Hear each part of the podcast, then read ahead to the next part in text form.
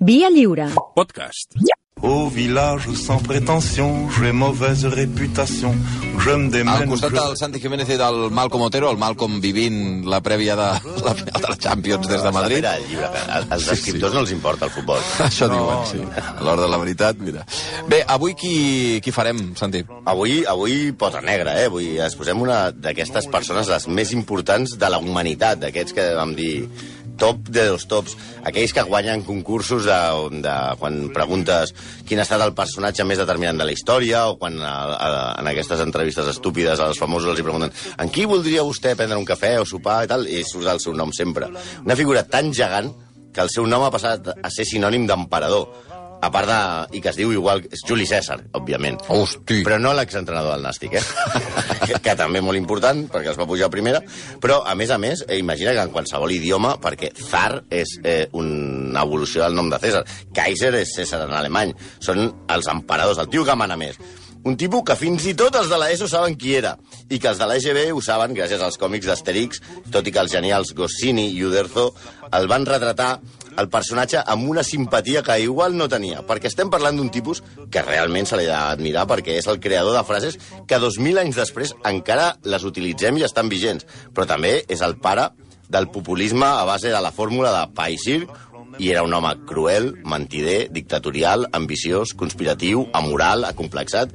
Un home sense el qual, això és veritat, el món d'avui no seria com és. Més o menys com el Johan Cruyff de la història. Que el Què futbol- dius, ara? Que el futbol no seria com és sense que hagués existit Johan Cruyff. Pues sense Juli César, igual. Per tant, amb tots vostès, Gaius Julius César. Juli César. O Juli, a seques, pels habitants d'un petit llogaret de la Gàlia que resisteix ara i sempre a l'invasor.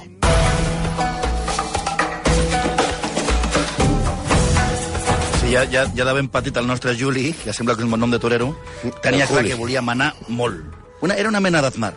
Per aquest motiu, ja des de ben jovenet, César es comença a inventar el currículum per Ah, sí? director a la seva futura carrera política. Però el nostre home no era tan cutre com per presentar-se a la plebe dient que tenia un merdi títol a Harvard, Aravaca, no, no, no, no. Ella va buscar una parentela divina ni més ni menys que es va presentar en societat dient que era de la família directa de Julo, Julio, pel jugador del Betis, Joaquín, Julio. que era fill del príncep troià Eneas, que havia fundat Roma, i també de la mateixa deessa Venus. Si t'hi poses, no et quedis curs. Grandesa, collons. Sí, que no respiri misèria. D'aquí vinc, del fundador de Roma i de la deessa Venus. Evidentment, això això no era veritat. Entre altres coses perquè, i això ho explicarem per de l'ESO, la deessa Venus no va existir. I Eneas era un personatge creat per, Virgi per Virgilio.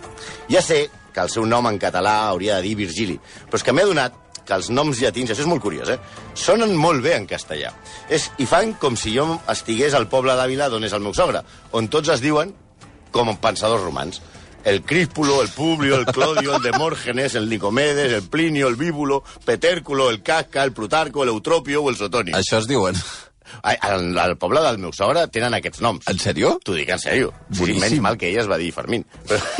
I bueno, això del cas que passó roman ja ho sí, veurem. sí, clar, però, però a més a més, tots són molt brutos. Eh, No sé si pilleu el xiste. Ai, un desastre. Bueno, de, de fet, César venia de- d'una família dedicada a la política ningú de menys. Però de seguida es va saber moure bé i a base de, col·lege, de col·legueo i titola, que, Ai. que era una de les seves armes favorites, i que li va fer més servei que el Pilum i el Gladius, que els per de l'ESO, que no hagin llegit Asterix, era la llança i l'espasa de les legions romanes. Això, per què diem col·legueo? Col·legueo perquè de seguida es va fer amic de gent realment molt important, com el Pompeyo i el Craso, que aquests són del poble del costat del sogre del Santi. I amb la Titola, perquè Ai. la seva primera dona ja formava part d'una família, la de Mario, i no parlem de Mario Bros, molt influent a la República. A la seva carrera política, César va descobrir que l'important, el més important de tot era ser popular, el populisme. Costés el que costés, i no existia la sexta, o sigui que no podia sortir a- als programes. Va ser el populista perfecte, i segons els teòrics de la matèria, el primer gran populista de la història. Va començar tenint un càrrec teòricament modest, que era l'anomenat Edil Curul, que vindria a ser com el regidor de l'Ajuntament de Roma dedicat a la Guàrdia Urbana, als mercats, la neteja i, i aquí està la clau, a, i és on ho va brodar, als espectacles.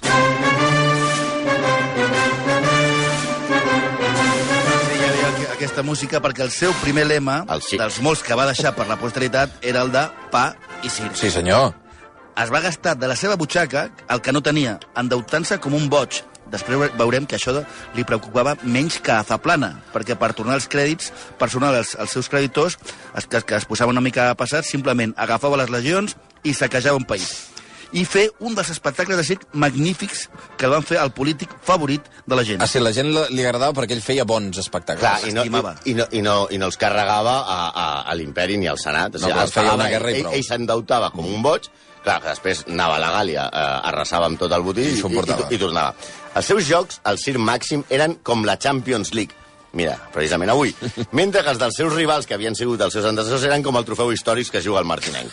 Per posar-vos un exemple, els seus jocs incloien combats de gladiadors durant 5 dies, representació de comèdies per tots els barris de la ciutat, representades per actors de totes les nacionalitats en tots els idiomes coneguts.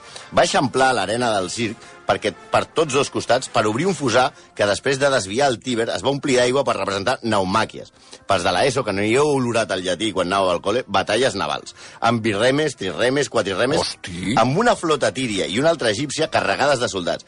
Va muntar una batalla entre dos exèrcits que cada un d'ells constava de 500 soldats, 30 genets i 20 elefants. Cada cop que muntava un sarau d'aquests, Roma s'omplia de visitants. El petit problema és que eren comuns la, la, les esbatussades, avalanxes, i era normal que la gent morís esclafada.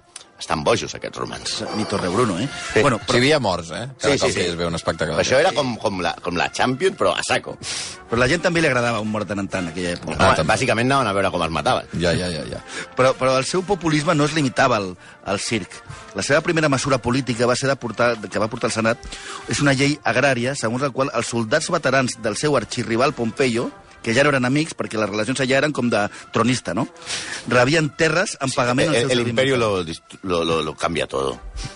Des, després, ja com a emperador, la cosa va anar a O més. sigui, els soldats els hi donaven terres, eh? Exacte, però, però va anar més encara, perquè va premiar a cada legionari amb 5.000 denaris, l'equivalent en que guanyarien 16 anys de servei obligatori. A cada centurió, 10.000, i a cada tribú i prefecte, 20.000. Quan tornava una campanya exitosa, una, vegada- una vegada va va regalar al poble 10 modis de blat. Un modi era una mesura de capacitat equivalent a 8.754 litres. 10 lliures d'oli per persona a més de 300 setercis per barba. Una mica com la paga bebé de Zapatero per a lo bèstia.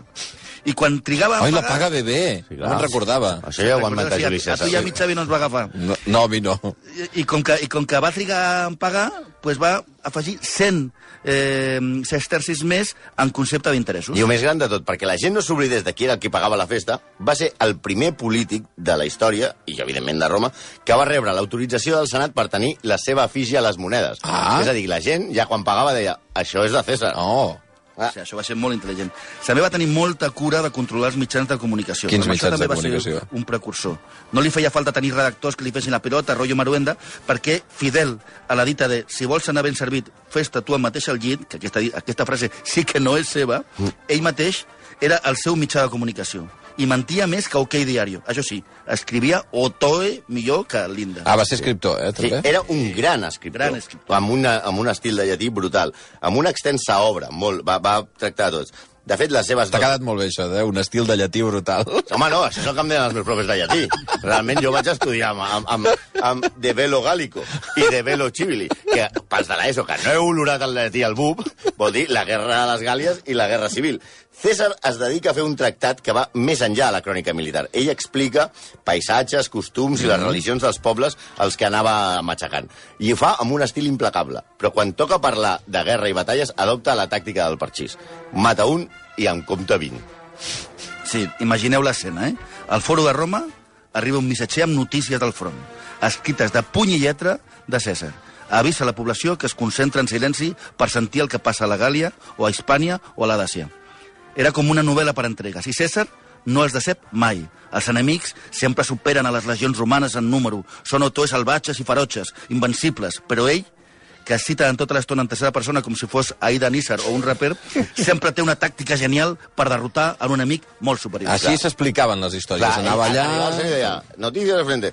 Hem trobat a 26 MA barracos i nosaltres érem dos i hem guanyat. I Gràcies a Juli César. Gràcies a, a, a, Juli César. I Julio César dijo que parla com Aida Nízar, i en tercera persona. La gent es torna boja. La majoria de cops tot era mentira. O si som generosos, exageracions. És com si, per exemple, poguessin, no poguessin veure els partits de la Champions i ens els expliqués una única versió. La del Pedrerol, per exemple. seria terrible, Sí, que te'ls eh? expliqués, tu no els veiessis i diguessin el Real Madrid goleó a la Juventus... Bueno, un penalti al final, però no, això no ho tindria Hosti, boníssim, això, que Clar. no poguessis veure les imatges. Clar, moltes de les batalles contra aquestes tribus temibles, en teoria, eren massacres a pobles pacífics en les que les legions romanes no tenien pietat ni de dones, ni de nens, ni d'ancians. Massacres que, a mida que s'han anat fent excavacions en els llocs on van succeir, demostren que la majoria de víctimes eren això, nens, dones i homes grans per, per l'estudi dels ossos.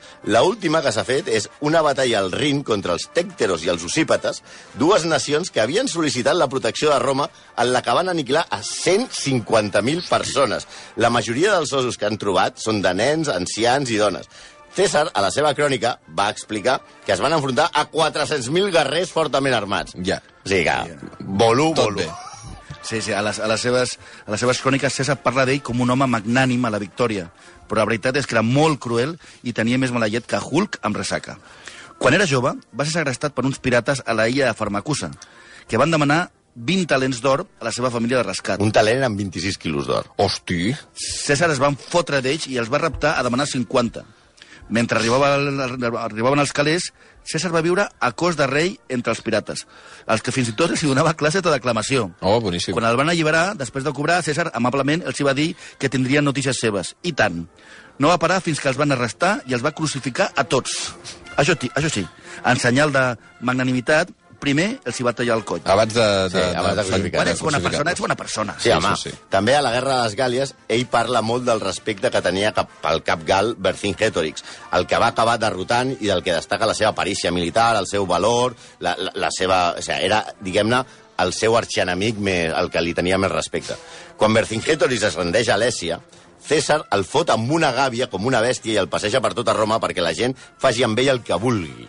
Després el té sis anys tancat amb un forat en una presó i quan ja veu que s'està morint de gana i de malalties, el treu del forat, el vesteix de capdí, el passeja per Roma en plan rua del Barça, jo perquè vagi per, amb l'autocar, i fa que l'escanyin a la plaça del Fòrum davant de tot el poble. Per cert, us envio un missatge a Gaius Julius César. Home. Sí, perquè hi ha un, un oient que, que s'ha xivat i que li diu eh, Bonum mane divus, eh, pontifex maximus dictator perpetuo de la, República, de la República, conquistador de la Gàlia, al via lliure, los ilustres execrables os, os están defamando. I ell ha contestat, ens ha enviat un missatge, diu ¿Dónde están para que pueda perdonarlos? Veus? Un gran home magnànim. Magnànim. Déu diu.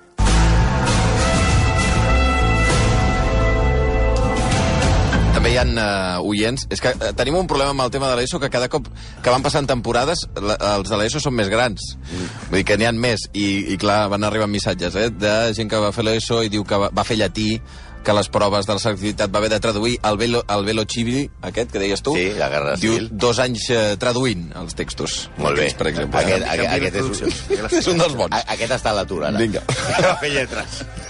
Vinga. Evidentment, aquesta actitud de César, que encantava el poble i a les legions, creava moltes suspicàcies entre els seus rivals polítics que veien com César era un populista i, i l'objectiu del qual era acabar amb la república i instal·lar una dictadura. Sí, el dictator perpetus que deia aquí el nostre Ah, amic. mateix. La seva figura política era més cada vegada, cada cop més la d'un dictador que la d'un cònsul que havia de donar explicacions al Senat. Els romans havien creat la figura del dictador i tenia la figura del dictador tenia una, un, era positiva. O sigui, quan hi havia una gran crisi, una, una fam, una, una, unes inundacions o una guerra, posaven, eh, dissolien el Senat i posaven un dictador que era una solució temporal. El sistema de dret i govern romà era profundament antimonàrquic i César estava a punt de carregar-se'l. Les seves sortides de to i els tics autoritaris eren cada cop més insuportables. Un dia el Senat fa que els seus lictors retirin de l'estrada el seu rival Cató, perquè, com va dir César, feia massa estona que parlava. Pels, sí, en plan carrizoses i coses d'aquestes, no? Pels de l'ESO i a l'afició en general, tornem-hi, explicarem que els lictors no són personatges de Harry Potter, eren la guàrdia personal que tenia cada senador al seu servei, vestits, com perquè es faci una idea, com els armats de Tarragona. Cada lictor portava un feix de 30 vares lligades que representaven les 30 cúries romanes originals. Al feix, en llatí, li deien fasce. I sí, ve d'aquí la paraula feixisme. El que va fer César amb Cató va ser el primer acte feixista de la història. Sí, sí, quan els lictors de César treuen Cató al Senat, la majoria dels senadors marxen en plan tardà, enfurismat, dient prefer, preferim estar en Cató a la presó que viure al Senat amb César. Diguem-ne que la popular de, de, de Juli, entre els seus companys de cambra, no era la més elevada. I més després de que obligués a tots els funcionaris públics a jurar no oposar-se mai a les seves mesures, xulo mi pirulo. Clar, César, que a tonto no tenia un, pe, un pèl, de fet era calp, però això ho parlarem ara, ja era conscient que a les cases d'apostes del seu temps el seu assassinat es pagava molt a la baixa. O sigui, més o menys es pagava com el Madrid avui que guanyi la Champions, no? Tant és així que al desembre de l'any 45 va anar a sopar a la vida del seu amic Gallo Octavio, un altre del poble del meu sogre, i es va fer acompanyar per una escorta de 2.000 soldats. Hosti. Tu imagina't, el tio t'arriba i diu hola, vinga a sopar. No t'importa? He convidat uns amics. I porta 2.000 2.000 tios. grans Perquè el tio ja, i amb gana. Es, es feia acompanyar perquè ja sabia que començaven a haver-hi rumors de que li, pata, li pitaven un penalti al 90 i Ramos. Exacte. Sí, sí, és que era molt sociable. No, i així arriba el 15 de març de l'any 44. Els famosos... Abans de Crist. Abans de Crist, Abans de efectivament, sí. Els famosos idus de març, en el que 60 senadors decideixen pelar-se a César quan entri al Senat. Entre ells hi ha el fill d'una de les seves amants, l'amant favorita de, de fet, Sirvila, i parlem de Marc Juni Brutus, del que es comentava que podia ser el seu fill, fins i tot. Entre els 60 senadors el, el rodegen, les ciben 23 punyalades i la primera, qui la fa? Casca, perquè volia que Evidentment. és clar. clar amb Segons aquest nom Plutarc- estava clar qui havia de fotre la primera. Casca. segons Plutarc, o Plutarco, si fos del, del, del poble del, del sobre del Santi, de les 23 punyalades, només una és mortal. Com que al sonat no es poden portar armes, César només es pot defensar amb un punxó per escriure Hosti. i fereix a dos senadors. Un d'ells, Brutus. I aquí arribem a les parts aquestes que ens agraden Ah, i sí, que fem sí, sí, sempre. sí, sí. Que és la de les frases Que que, mai, diu? Que, que, que mai es van dir. Per exemple, la de tu quoque brutu fili mi, que per a l'ESO és tu també, Brutus, fill meu, que es veu que de cap manera va dir això. O bé, en, a- els únics historiadors de l'època diuen que la va dir en grec, que va dir caixí tecnon. O, sem, segons sembla, la més lògica, no va dir res. Perquè si t'estan munyint a 23 punyalades no estàs per dir grans frases. O sigui, bàsicament el que intenta és fugir. I és la teoria de Plutarc, que diu que l'únic que va fer va ser cobrir-se el cap amb la toga per tal de que no li desfiguressin la cara. Carai. Això sí, vanitós sí. De fet, tampoc, tampoc sembla clar que digués alia jacta est. Quan va Tampoc? crear el, el No. Rubicó. No. De fet, Alia Jacta Est era el que deien el, els soldats quan jugaven als daus i tiraven, i tiraven a veure, la, la sort, So, la sort és tatxada. jugaven als Clar, daus. sí, sí. El que sí va deixar escrit és Beni Vidi Vici, que encara que surti als paquets de Malboro no vol dir benvinguts al vici. Vol dir vaig arribar, vaig veure i vaig vèncer. I també va dir això de la dona del Cèsar, a més de ser honesta, ha de semblar-ho, quan va voler divorciar-se de Pompeia per un adulteri que no havia comès. I no, això sí ho hem de deixar clar. El part per cesària, per contra del que molt, encara que ho diuen, hi ha moltes webs que ho diuen, no és cert, no té res a veure amb el seu naixement. A todos el pelo se nos caerá. Ai. Ai. L'Orquestra Mondragón, eh, parlant en aquest cas de- d'això, eh, de, Perquè de la cesària peluca. significa, curiosament, pèl, cabell o barba. I curiosament, diem curiosament, perquè una de les coses que més tormentava César era la seva calvície, perquè era otoe presumit. Ah, sí? És un Cristiano Ronaldo amb toga. De fet, l'obsessionava tant la calvície que va fer que el Senat li aprovés una llei que el permetia posar-se una corona de llorer que només estava reservada als guanyadors dels Jocs Olímpics antics. O sigui, per, per tapar-se les entrades... Apa, era es- per tapar-se les entrades? es va fer que pogués portar sempre eh, i dissimular les entrades, portar una corona de llorer. I també va palmar, com no, pobre, el pobre Vercingètorix, que tenia una melena així en plan a l'autor, i que César va fer que el rapessin per fer-se una perruca amb els pèls del seu enemic. que encara, encara, encara no es feien aquests implantaments de cabell que es fan alguns polítics. Però, tot i calp, tot, tot, i, tot i ser calp, César era un tio amb molt èxit amb les dones, més que Julio César, que Julio Iglesias, sí. anava dir. Era famosa la cançó que els seus soldats cantaven quan desfilaven per Roma, quan tornaven d'una campanya. Ciutadans, vigileu les vostres dones que portem amb nosaltres un adúlter calp que ha fornicat a la Gàlia amb tot l'or que ha pres de Roma. Això cantaven? Sí, Sí, sí, Quina ha manera, de, quina manera d'entrar als llocs, eh, realment. hi ha una, altres versions que canvien adúlter per putero, perquè, pel que es veu, César també era molt aficionat al sexe de pagament de luxe. De fet, a les seves expedicions mai faltava un bordell mòbil que l'acompanyava eh, que acompanyava les tropes. La, la veritat és que a mi eh, César comença a semblar-me Jesús Gil. Sí, sí, el que de veritat li agradava més de tot era aixecar-li la dona als seus rivals polítics. Va seduir a Postúmia, no cal que us digui de quin poble és, la dona de Sulpici, l'Òlia, fins i tot a Tèrtula i Múcia, que també són del mateix poble. Dones de, que eren les dones, atenció, de Craso i Pompeyo, que quan eren amics és amb els que va fer el triumvirat i es guardava les seves dones. Vinga. A més dels romansos que va tenir amb Cleòpatra, amb la que va tenir un fill, Cesarion, i Eunoe, la reina de Mauritània, que segons les cròniques de l'època, que també les escrivia ell, eren les dones més velles del planeta. Mm. Sí, aquesta fama amb les dones no li va treure, però, la fama de jugar també a camp propi, és a dir, carn i peix. Els seus rivals polítics el coneixien amb el malnom de la reina de Bitínia, perquè es veu que quan només tenia 19 anys va ser el favorit del rei Nicomedes de Bitínia i asseguraven que César era el marit perfecte per tota dona i l'esposa ideal per qualsevol home. Ell sempre va negar qualsevol experiència homosexual i era una de les poques coses que li feien perdre la calma. Sí, en tot cas, ell va seguir triomfant després de mort. Home, la seva llegenda, aquí sabem les seves frases i és, és, és impressionant, però també pel seu populisme, fins i tot després de mort. Els senadors que el van assassinar, pensant que salvarien la república, es van quedar de pasta de moniato quan Marc Antoni, el general, no el cantant, va llegir el seu testament en el que incloia una donació d'uns jardins al costat del Tíber, al poble de Roma, i un regal en metàl·lic, pasta contante i sonante, a tots els ciutadans que, davant d'això, van sortir de casa a linxar els assassins. El populisme sempre guanya. Uh, hi ha més missatges, efectivament, de, de Juli César. Espera que ara els he de trobar. Uh, via Twitter, perquè està al Twitter. Està, està connectat, eh? Sí, aquest, aquesta, aquest oient que li ha, traslladat, ha fet de, de Chivato i li ha traslladat que estàvem parlant d'ell, eh, li diu, ni olvido ni perdón, damnatio ad gladius o crucifixion. I ell, I ell contesta, no seas como Sila, sé buena gente. Exacte. La magnanimitat, com sempre, de, de, De fet, de Juli Sila va César. eh? demanar-li a Juli César que eh, es divorciés de la seva dona i ella es va negar. Ah, sí? Sí, sí, sí, es va, perquè eren el primer, el primer rival polític. Però també se'l va carregar, eh? Carai. Bé, 11 i 3 minuts, aquí Escipión s'acaben no ha dit els... res? No, de Escipión no ha sortit, eh? No. Igual surt eh, en algun moment Escipión d'aquí una estoneta i ens envia un missatge. Hi ha, hi ha una foto al Twitter de, de, del programa que surt Juli César i Santi i costa veure qui és qui, eh? Ah, per cert, que la Jèssica demana que eh, en algun moment hauríem de parlar, eh, potser en una segona edició, de les converses que tenia amb Déu cada cop que li, acaba, li agafava un atac epilèptic. Sí, ell no, no era epilèptic, era apoplègia. Ah, carai. han descobert ara que era apoplègia. I eh, ell també eh, es va posar a plorar, ell, perquè tenia unes certes ganes de ser bastant important. Quan ell va arribar a Càdiz, que no sé si es fot de, fins al cul de, de Fino i Pescaíto, veu l'estàtua d'Alexandre de Magna i es posa a plorar perquè veu que Alexandre Magna amb 30 anys havia conquerit el món i ell encara no. Mm -hmm. I aleshores va dir, i aleshores va dir pues, aquí em poso. 11 i 4, ja. Execrables, gràcies, eh? A vosaltres. Gràcies. Tout le monde viendra me voir pendu, sauf les aveugles, bien entendu.